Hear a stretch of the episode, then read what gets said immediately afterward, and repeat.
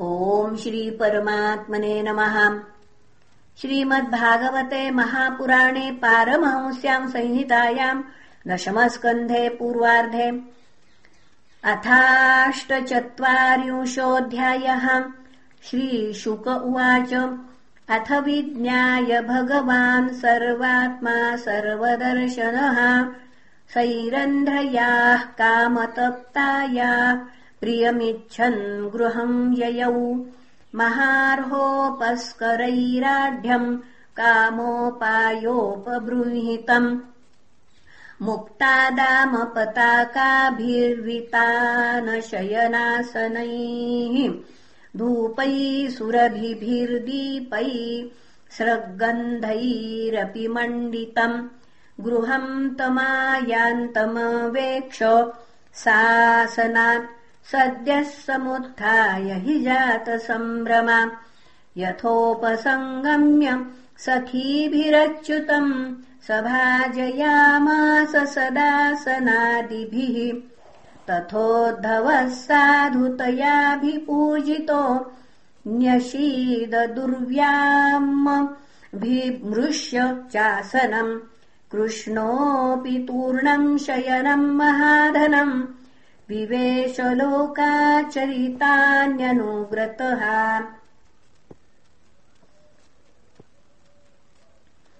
सामज्जनालेप दुकूलभूषण स्रग्गन्धताम्बूल सुधासवादिभिः प्रसाधितात्मोपससारमाधवम् सव्रीडलीलोऽस्मित विभ्रमेक्षितैः आहूय कान्ताम् नवसङ्गमविभियाम् विशङ्किताम् कङ्कणभूषिते करे। प्रगृह्य शय्यामधिवेश्य रामयाम् रेमेनुलेपार्पण पुण्यलेशयाम् सानङ्गतप्तकुचयोरु रसस्तथाक्ष्णोर्जिघ्रन्त्यनन्तचरणेन रुजो मृजन्ति। दोर्भ्याम् स्तनान्तरगतम् परिरभ्य कान्तमानन्दमूर्तिमजहादति दीर्घतापम्। सैवम् कैवल्यनाथन्तम् प्राप्य दुष्प्रापमीश्वरम् अङ्गरागार्पणेनाहो दुर्भगेदमयाचत आहोष्यतामिह प्रेष्ठ। दिनानि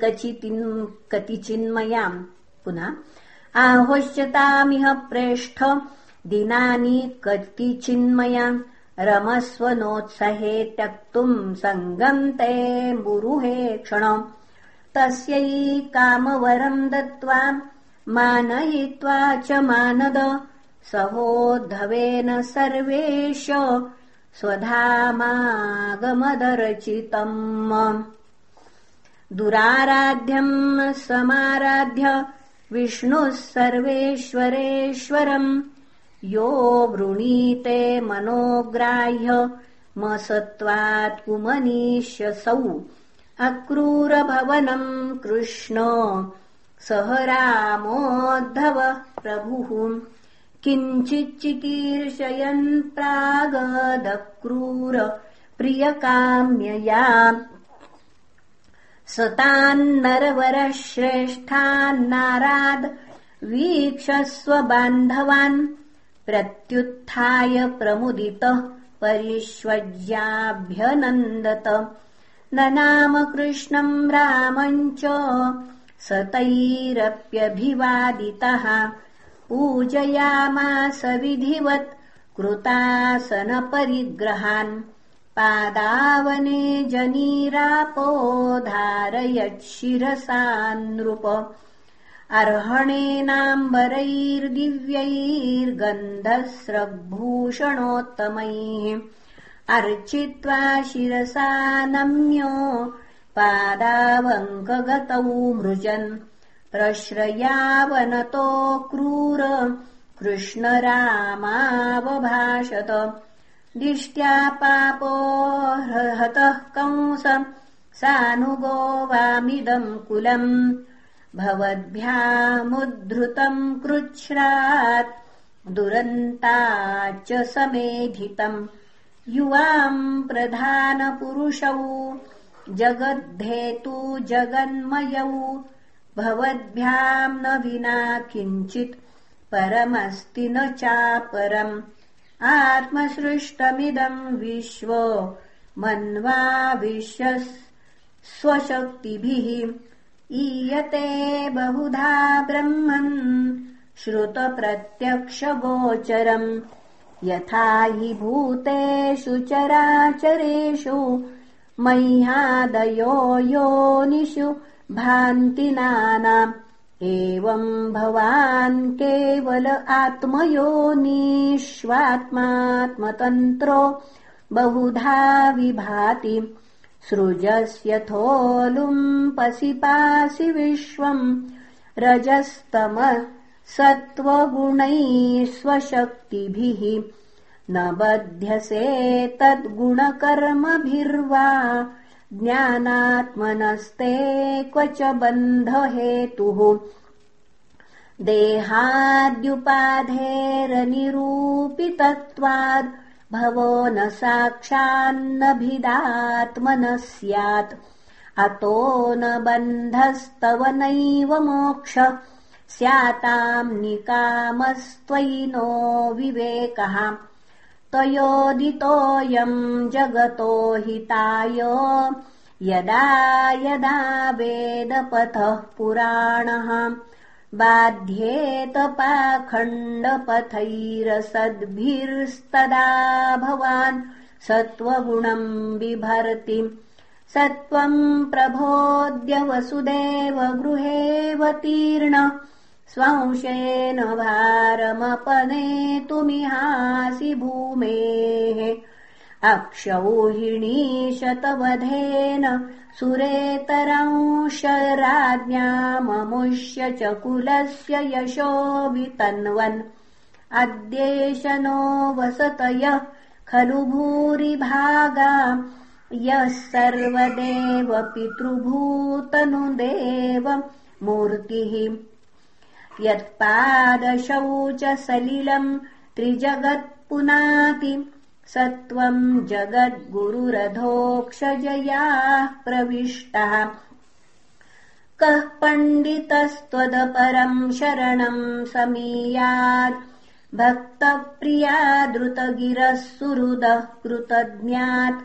सर्वान् ददाति सुहृदो भजतोऽभिकामा नात्मानमप्युपचयापचयौ न यस्य दिष्ट्या जनार्दन भवानिह नः प्रतीतो योगैश्वरैरपि दुरापगतिः सुरेशैः छिन्द्याशु नः सुतकलत्रधनाप्तगेह देहादिमोहर्शनाम् भवदीयमायाम्। श्रीशुक उवाच इत्यर्चितः संस्तुतश्च भक्तेन भगवान् हरिः। अक्रूरम् सस्मितम् प्राहो गीर्भिः सम्मोहयन्निव। श्रीभगवान उवाच त्वम् नो गुरुः पितृव्यश्च श्लाघ्यो बन्धुश्च नित्यदा। वयम् तु रक्षा पोष्याश्च अनुकम्प्याः प्रजा हि वः भवद्विधा महाभागा निषेव्या अर्हसत्तमाः। श्रेयस्कामैर्नृभिर्नित्यम् देवा स्वार्था न ह्ययम् मय्यानि तीर्थानि न देवा मृच्छिलामयाः ते पुनन्तुरुकालेन दर्शनादेव साधवः। स भवान् सुदाम् वै न श्रेयान् श्रेयश्चिकीर्षया जिज्ञासार्थम् पाण्डवानाम् गच्छस्वत्वम् गजाह्वयम् पितर्युपरते बालाः सह मात्रा सुदुःखिताः आनीता स्वपपुरम् राज्ञाम् वसन्त इव शुश्रुम। तेषु राजाम्बिकापुत्रो भ्रातृपुत्रेषु दीनधीः। समो न वर्तते नूनम् दुष्पुत्रवशगोऽन्धदृक् गच्छ जानीहि तद्वृत्तमधुना साध्वसाधुवाम् विज्ञाय तद्विधास्यामो यथा शंसुरुदाम् भवेत्। इत्यक्रूरम् समादिश्य। भगवान् हरिरीश्वरः। सङ्कर्षणोद्धवाभ्याम् वै ततः स्वभवनम् ययौ। इति श्रीमद्भागवते महापुराणे पारमहंस्याम् संहितायाम् दशमस्कन्धे पूर्वार्धे अष्टचत्वारिंशोऽध्यायः। श्रीकृष्णार्पणमस्तु। हरये नमः हरये नमः हरये नमः